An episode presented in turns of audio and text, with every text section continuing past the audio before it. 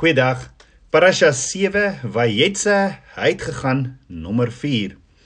Ons het gesien Jakob het die môre vroeg opgestaan en toe neem hy die klip wat hy onder sy hoof gesit het om op te slaap en rig dit as 'n gedenksteen op.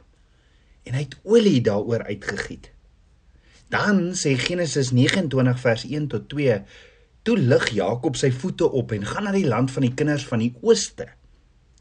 En met een sien hy 'n put in die veld en drie troppe klein vee wat daarby lê. Want uit die put het hulle die vee laat drink. En daar was 'n groot klip op die opening van die put. Nou sodra daar van 'n put gepraat word in die woord, kan jy maar kan jy maar weet daar's 'n les oor Ruach HaKodesh, die Heilige Gees en oor lewende water, die woord. Jy kan dit maar verwag. So voor ons sien wat by die put alles gebeur, Dink gou-gou daaroor. Wat is die karaktereienskappe van die Heilige Gees? Onder andere is daar 3 karaktereienskappe van die Heilige Gees wat baie uitstaan vir my veral by hierdie put en dit is nommer 1 die Heilige Gees openbaar. Nommer 2 die Heilige Gees gee ons krag en nommer 3 die Heilige Gees gee ons die vermoëns om te doen of om te praat. So dink daaroor. Wat openbaar die Heilige Gees elke dag aan ons? Wat is dit wat die Heilige Gees elke dag vir my en jou openbaar? Die Heilige Gees openbaar die heeltyd vir Yeshua. Want Yeshua is die lewende woord, Johannes 1 vers 14. En Openbaring 1 vers 1 tot 2 sê die openbaring van Yeshua wat God hom gegee het om aan sy diensknegte te toon wat gou moet gebeur en wat hy deur die sending van sy engel aan sy dienskneg Johannes te kenne gegee het wat getuig het van die woord van God en die getuienis van Yeshua Messie alles wat hy gesien het. Dan sê Kolossense 1 vers 15 tot 16, hy is die beeld van die onsigbare God, die eersgeborene van die hele skepping, want in hom is alle dinge geskape wat in die hemel en op die aarde is, wat sienlik en onsienlik is, trone sowel as heerskappye, owerhede en magte, alle dinge is deur hom en tot hom geskape. Met ander woorde, Heilige Gees openbaar Yeshua HaMashiach. Dan wanneer ek terug beweeg na Abba Vader toe dat hy my vul met sy gees, sy ruach, dan het ek hierdie autoriteit en krag van hom wat ek want want ek het gesterf aan myself. Dan is dit nie meer ek wat leef nie, maar hy wat in my leef. Dis dan ook wanneer die Heilige Gees my die vermoëns gee om dit te doen of om te sê wat Abba Vader verheerlik. So een van die mees romantiese verhale in die woord van Abba Vader speel homself af by 'n put. Wanneer ons lees van 'n klip wat weggerol moet word sodat die skape kan water drink. Nou 'n put was gewoonlik buite die dorp of 'n stad gewees. Dit was hierdie plekkie waar die vroue aan die einde van 'n dag bymekaar gekom het en en dan het hulle so 'n bietjie tyd gehad om op te vang oor die nuus van die dag in die stad terwyl hulle water geskep het.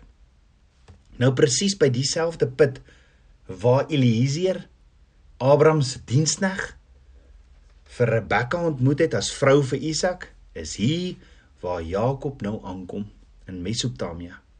Maar hoor gou, dit is ook dieselfde put waar Yeshua die Samaritaanse vrou ontmoet het 'n paar honderde jare later by dieselfde put. Hoor gou wat sê die Samaritaanse vrou vir Yeshua in Johannes 4 vers 12. U is tog nie groter as ons voorvader Jakob nie wat hierdie put vir ons gegee het nie en wat self daaraan gedrink het nie en sy kinders en sy vee nie. Jy sien as die Samaritaanse vrou maar net geweet het wie met haar praat. Net so as ons ook maar net vandag kan hoor wat Abba Vader vir ons wil sê. Maar Yeshua sê toe vir hom vers 13 tot 14: Elkeen wat van hierdie water drink, sal weer dors kry, maar elkeen wat drink van die water wat ek hom sal gee, sal in ewigheid nooit dors kry nie. Maar die water wat ek hom sal gee, sal in hom word 'n fontein van water wat opspring tot in die ewige lewe. Met ander woorde, hierdie Samaritaanse vrou het net soos Jakob 'n dors vir 'n nuwe begin. En die vraag is, en ek en jy? Die Hebreëse woord vir put is be'er. Be'er beteken spring. Met ander woorde, die rootwoord van be'er is be'ar wat beteken to engrave or to declare the place of declaration. Met ander woorde, 'n put is 'n plek van verklaring. So wat gaan hier verklaar word? Oral sien ons in die Torah word daar herhaaldelik hierdie prentjie van die Messias gegee wat vir ons wys, maar dis hoe die bruidegom sal kom. Dis hoe Yeshua sy bruid sal kom haal. Selfs Filippus het vir Nathanael in Johannes 1:46 gesê, "Ons het hom gevind van wie Moses in die Torah en ook die profete geskryf het. Yeshua, die seun van Josef van Nasaret." En reg deur die Ou Testament lê daar hierdie goue draad van Abba Vader se verlossingsplan en van ons Messias wat kom. So Jakob kom by hierdie selfde put en die woord sê daar is 3 troppe skape wat daar lê en wag by die put. Nou reg deur die woord praat Abba Vader van 3 tipe groepe. Abba Vader praat van die huis van Israel, die nie Jode. Dan praat Abba Vader van die Jode, die huis van Juda en dan praat Abba Vader ook in sy woord van die honde. Dis die honde waarna Openbaring 22 vers 15 verwys wat sê maar die wat buite is is die honde en die towenaars en die hoereders en die moordenaars en die afgodedienaars en elkeen wat leuns liefhet en doen. Met ander woorde daar word na die honde verwys na die wat buite verbond met Abba Vader staan. Die wat net eenvoudig gesê het nee vir Abba Vader en wat hulle rig op Abba Vader en sy woord gedraai het soos Esau. Nou daar's net een bruid En Jesegiel 37 praat van hoe die huis van Juda en die huis van Israel een bruid word en miskien is dit per toeval of toeval die lig dat Jakob by drie troppe skape kom wat wag by die put.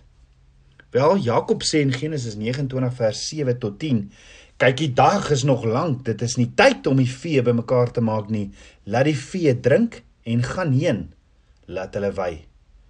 Toe antwoord hulle Ons kan nie voordat al die troppe bymekaar is nie. Dan rol hulle die klip weg van die opening van die put en ons laat die vee drink. Terwyl hy nog met hulle praat, kom Rachel met die klein vee van haar vader aan want sy het hulle opgepas.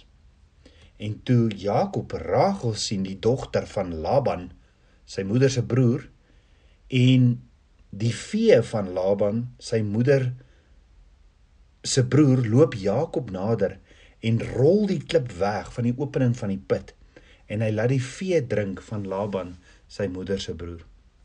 So Jakob sê vir hierdie drie troppe skaapwagters, luister. Dis nie tyd van die dag om net hier rond te sit nie. Laat julle skape water drink en laat hulle wei. En hierdie skaapwagter sê vir Jakob, ons kan nie want ons ons wag vir al die troppe om mekaar te kom sodat ons saam hierdie massive groot klip kan skuif want ons kan dit nie alleen doen nie, hy's te swaar. Kyk hierdie massiewe klip, ons wag, maar dat almal hier kom, dan kan ons dan kan ons hom saam skuif sodat ons skape kan water kry. En terwyl Jakob so met hulle praat, kom Rachel daar aangestap, die bruid. Sy kom aangestap met haar pa se skape. Dan gaan Jakob man alleen op sy eie en hy skuif die klip en hy voer die skapies water. Want wat is nou, wat is die ander karaktereienskap van die Heilige Gees nou weer? Die Heilige Gees gee jou krag. Hoor gou hoe amazing is hierdie prentjie wat Abba Vader vir ons skets. Toe Jakob vir Rachel sien, toe skuif hy die klip weg op sy eie sodat die kudde kan drink. Die woord sê toe hy vir Rachel sien. Die woordjie vir hierdie sien is ra'ar wat beteken to consider of om in ag te neem. So hy sien sy bruid, hy neem haar in ag en skuif tot die klip by homself. Let wel, die drie skaapwagters wat daar was, hulle kon nie. Maar toe Jakob sy bruid sien, toe doen hy dit alleen. Hoor gou weer. When the groom came and he considered his bride. The stone was rolled away, and the water of life was given. Klink dit nie dalk bekend nie? Ja, toe die bruidegom hier was en sy bruid sien, is die klip weggerol sodat hy die dood oorwin het vir sy bruid en sy skapies het lewende water om te drink. En dan sê die woord in Genesis 29 vers 11 en Jakob het Rachel gesoen en sy stem verhef en geween. So Jakob sien sy bruid, hy neem haar in ag, rol die klip weg sodat die skapies water kan drink en dan sê die woord, hy soen sy bruid en hy verhef sy stem en ween of hy huil. Nou die Hebreëse woordjie vir soen is die woordjie nasha. Nasha beteken om te soen en beteken ook om toegerus te word. Nasha se rootwoord is nashka wat beteken to kindle a fire and to make a fire burn. En wat leer die woord ons oor 'n vuur wat brand? Johannes die Doper sê in Lukas 3 vers 16: Ek hoop julle wel, ek doop julle wel met die water, maar hy kom wat sterker is as ek, wie se skoenremme ek nie waardig is om los te maak nie. Hy sal julle doop met die Heilige Gees en met vuur.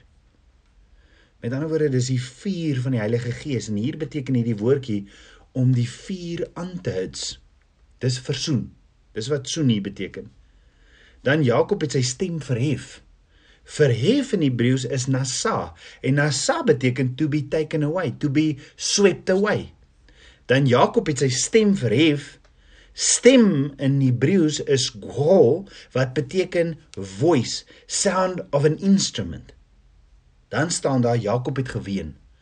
Geween in Hebreëus is baka En baka beteken to weep in grief, emulation or joy.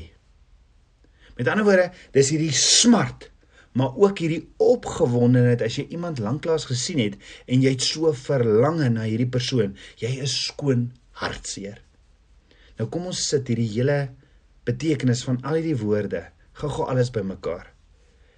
Wat hier gebeur in Genesis 29 vers 11 is when the groom came and he considered his bride. The stone was rolled away, and the flock could drink from the living water. The groom then accepted the bride with the fire of Ruach until she will be swept away at the sound of an instrument. There will be tears of joy as they will embrace, and there will be grief for those who doesn't know him. Hoe amazing is our Vader se woord nie? Hoor gou weer in Afrikaans. Toe die bruidegom kom en sy bruid sien, is die klip weggerol soos hy die dood oorwin het vir sy bruid en sy skapies het lewende water om te drink. Die bruidegom rus dan sy bruid toe met die vuur van die Heilige Gees terwyl sy op hom wag en vir die shofar wat sal blaas. Trane van vreugde sal rol soos die bruidegom en bruid mekaar omhels as dit gebeur en daar sal groot smart wees vir die wat hom nie ken nie. Kom ons bid saam. Aba Vader, skieper van my hart, Vader, ek ek loof en prys U. Vader, dankie, dankie dat U my so liefhet, dat U U enige gebore seun gegee het sodat ek en elkeen wat in hom glo nie verlore mag gaan nie, maar die ewige lewe kan hê. Dankie dat Yeshua opgestaan het uit die dode en dat hierdie selfde krag wat Yeshua uit die dode uit opgestaan het, leef in elkeen van ons. Vader, dankie vir die woord. Dankie vir Ruach wat openbaar en ons meer en meer leer van Yeshua, ons bruidegom. Vader, meer en meer van u geheimenisse, meer en meer van u verborgde manna. Ek bid dit alles in Yeshua, Messie se naam, die seun van Jahweh. Shalom.